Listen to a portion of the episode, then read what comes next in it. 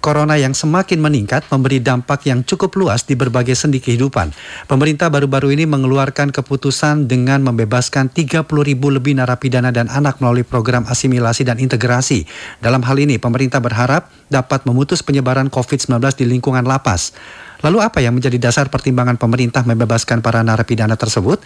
Apakah ada indikasi dari pemerintah untuk memangkas biaya anggaran kehidupan di lembaga pemasyarakatan mengingat kondisi perekonomian saat ini semakin melemah atau memang murni demi kemanusiaan yang adil dan beradab? Untuk membahasnya kami sudah tersambung bersama dengan pengamat politik Universitas Al-Azhar Ujang Komarudin. Assalamualaikum, selamat pagi Pak Ujang Komarudin. Waalaikumsalam Mas Rudi, pagi Ya, Anda menyikapinya bagaimana dengan langkah yang diambil Menkumham ini, Pak? Ya, saya melihat ada dua sisi yang memang uh, apa namanya bertolak belakang. Yang pertama, di satu sisi memang uh, apa namanya masyarakat atau uh, napi itu membutuhkan apa namanya jaminan ya kesehatan terkait dengan persoalan corona. Uh -huh. Yang kedua, memang di saat yang sama ini juga kan jangan sampai pemerintah atau negara gitu kan itu uh, cuci tangan atau lepas tangan terkait dengan pembiayaan soal uh, makan mereka di, di Navi ini ya. Mm-hmm. Ini yang menjadi dua sisi yang yang yang yang dilihat oleh publik uh, jangan jangan-jangan negara ini abai atau menghindar terkait persoalan itu. Tadi memang gini di luar negeri itu memang juga sama ketika terjadi uh, wabah atau bencana maka napi-napi uh, itu juga di, di dibebaskan sama dengan di Iran juga. Nah, cuma persoalannya tadi eh, di kita dengan di Iran, di Iran kan berbeda. Hmm. Nah, katakanlah di kita ini kan eh, apa namanya pemerintahannya kan mengalami krisis kepercayaan. Jadi masyarakat kalau ada kebijakan pemerintah aja sudah nggak percaya ini. Yeah. Ketika ada kebijakan baik pun apa masyarakat kadang-kadang tidak percaya. Karena apa? Masyarakat selama ini merasa gitu tanda tanda petik ya uh, dalam konteks tertentu itu banyak uh, di di apa dibohongi tanda petik ya oleh oleh oleh elit-elit itu. Sehingga apa? Sehingga ketika pemerintah mengeluarkan kebijakan yang bagus pun publik meresponnya kadang-kadang dengan uh, sesuatu yang yang tanda petik negatif begitu loh. Ini yang yang harus kita hindari. Tapi uh, jujur saja kalau kita boleh boleh apa namanya berpendapat gitu ya uh, persoalan corona adalah persoalan bencana uh, pandemi global ya bukan hanya di Indonesia jadi ketika pemerintah melakukan kebijakan itu, tentu tadi diambil harus berdasarkan dengan pertimbangan matang dan tentu tadi berdasarkan pertimbangan kemanusiaan sehingga bukan dengan pertimbangan-pertimbangan lain gitu. Tadi untuk mengurangi anggaran agar tidak tekor begitu kan. Hmm. Kita tahu bahwa negara ini tidak punya uang, masyarakat juga apa sedang kesulitan, pemerintah juga sedang kebingungan untuk memberikan jaminan kepada masyarakat yang sekarang terkena corona inilah seharusnya yang menjadi pertimbangan uh, pertimbangan dari uh, pemerintah begitu. Ya, jikalau memang mereka nanti akan dibebaskan, toh juga pemerintah tetap memberikan jaminan seharusnya, bukan begitu, Pak? Iya, harusnya begitu. Hmm. Negara ini kan berkewajiban untuk menjamin rakyatnya dalam konteks apa pun, pendidikan, makan, hak-hak dasar, apalagi terkait dengan kesehatan. Kesehatan ini hak dasar yang harus uh, apa dijamin oleh negara. Ya, sekali lagi negara jangan sampai abai terkait ini. Ketika mereka keluar pun pasti mereka juga akan harus dijamin oleh negara. Cuma persoalannya memang pemerintah kan hari ini kan uh, sedang memilah-milah nih, memilih-milih. Harusnya yang menjamin semua saja orang-orang yang tidak mampu. Karena bagaimanapun gitu loh, negara ini kan masih kategori-kategori terbelakang. Banyak orang miskinnya, banyak orang yang minta ditolong. Lalu banyak juga pengangguran yang harus diberikan makan oleh mereka. Nah, ya. kebijakan uh, tidak tidak melakukan lockdown ini bagian daripada uh, proses juga uh, uh, bagian daripada pemerintah tidak mau menang, menanggung resiko untuk membiayai mereka itu begitu. Ya, kalau kita ikuti jalan pikiran pemerintah, jika tidak dibebaskan, apakah uh, memang lapas akan sangat berpotensi untuk dalam penyebaran uh, wabah corona ini? Iya, iya, semua tempat berpotensi, uh-huh. termasuk lapas. Tapi kan bisa lebih paling tidak lebih bisa diintenskan dalam pengawasannya, Pak.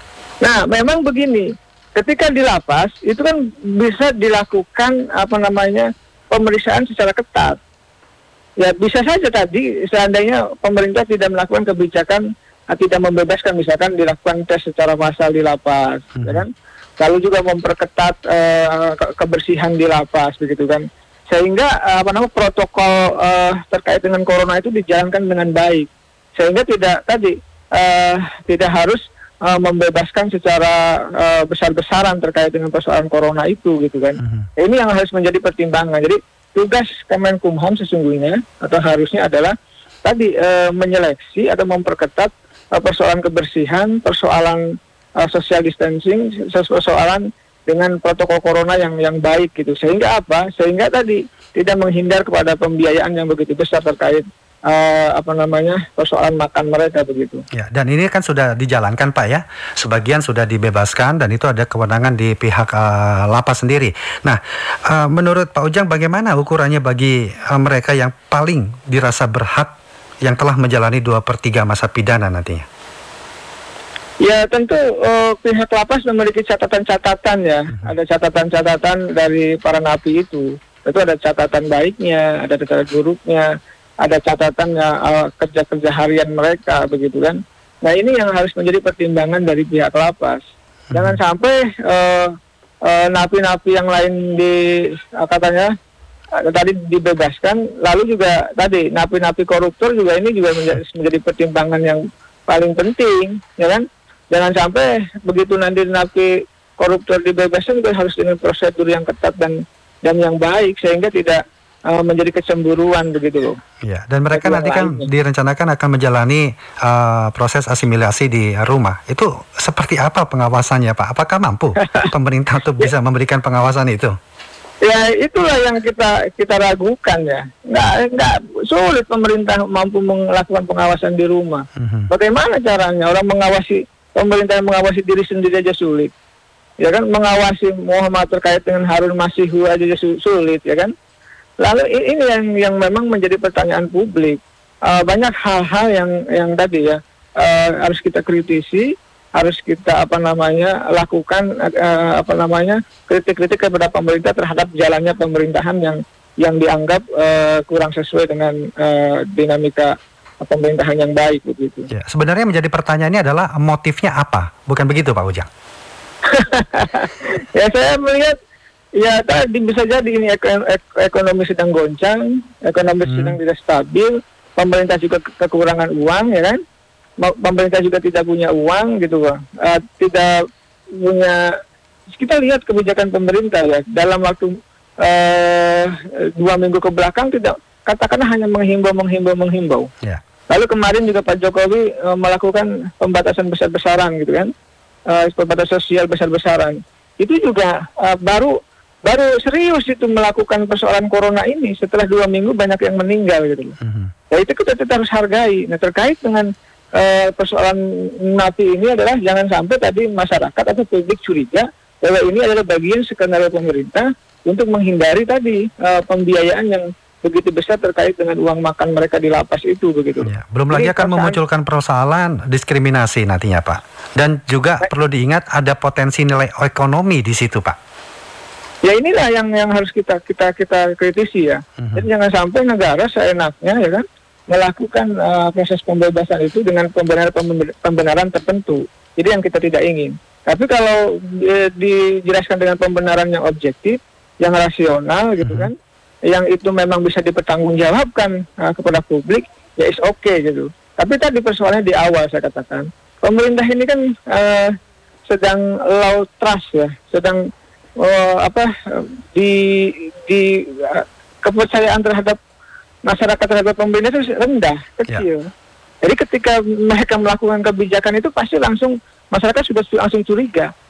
Nah ini sebenarnya yang, yang kita tidak inginkan, kita tidak bagus. Oleh karena itu uh, uh, kita meminta kepada pihak pemerintah untuk membangun negara ini gitu ya untuk menata, menata kelola pemerintah ini dengan baik uh-huh. sehingga gitu loh kebijakan-kebijakan yang dikeluarkan itu disupport didukung oleh publik.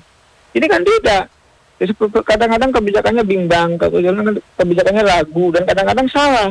Ini yang menjadi persoalan. Oleh karena itu kita sama-sama kawal uh, proses ini gitu kan agar memang pemerintah juga tidak kebablasan di dalam membuat kebijakan begitu. Apa pun itu kebijakannya, termasuk ya. persoalan napi ini. Ya, tadi dikatakan oleh Pak Ujang bahwa uh, tidak masalah jika itu ada objektivitas dan uh, rasionalitasnya. Nah, itu seperti apa konkretnya agar tidak menjadi pertanyaan publik yang uh, semakin membesar, Pak? Ya ini memang mengukurnya. Jadi ukur saja misalkan anggaran yang dikeluarkan untuk makan berapa, ya kan? Hmm. Lalu setelah pembebasan itu berapa yang bisa dihemat, ya kan? Lalu juga sebenarnya apa sih keuntungannya membebaskan mereka gitu loh? Apakah hanya tadi terkait dengan corona gitu kan? Yeah. Jadi eh, bisa dihitung, bisa diukur standar-standar itu gitu loh semua itu kan bisa ada, ada standar yang diukur atau parameter yang diukur untuk menilai ya kan apakah memang kali kebijakan itu objektif atau tidak gitu loh. Hmm. Semua hal itu bisa diukur kok. Tapi kalau Semua... wacana untuk pembebasan uh, napi koruptor bagaimana itu, Pak? ini tentu ya harus koordinasi ya dengan KPK ya. Iya. Koordinasi harus dengan penegak hukum. Ya inilah ini yang yang yang menjadi akhirnya meluas ke mana-mana, ya kan?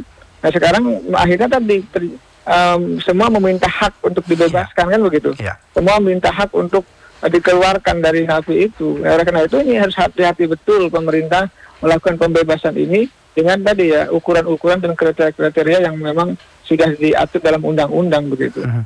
Seperti apa nanti Pak? Uh, kalau memang kebijakan-kebijakan yang uh, dikeluarkan pemerintah sudah uh, mengurangi tingkat kepercayaan publik, dampaknya bagaimana terhadap tatanan kenegaraan kita itu? Ya ketika pemerintah uh, apa nama ketika rakyat sudah tidak percaya lagi kepada itu bahaya.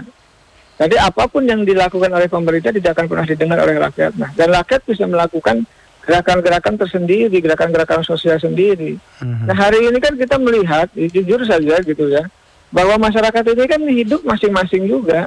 Artinya begini, artinya mereka yang bekerja ya bekerja masing-masing, ya kan?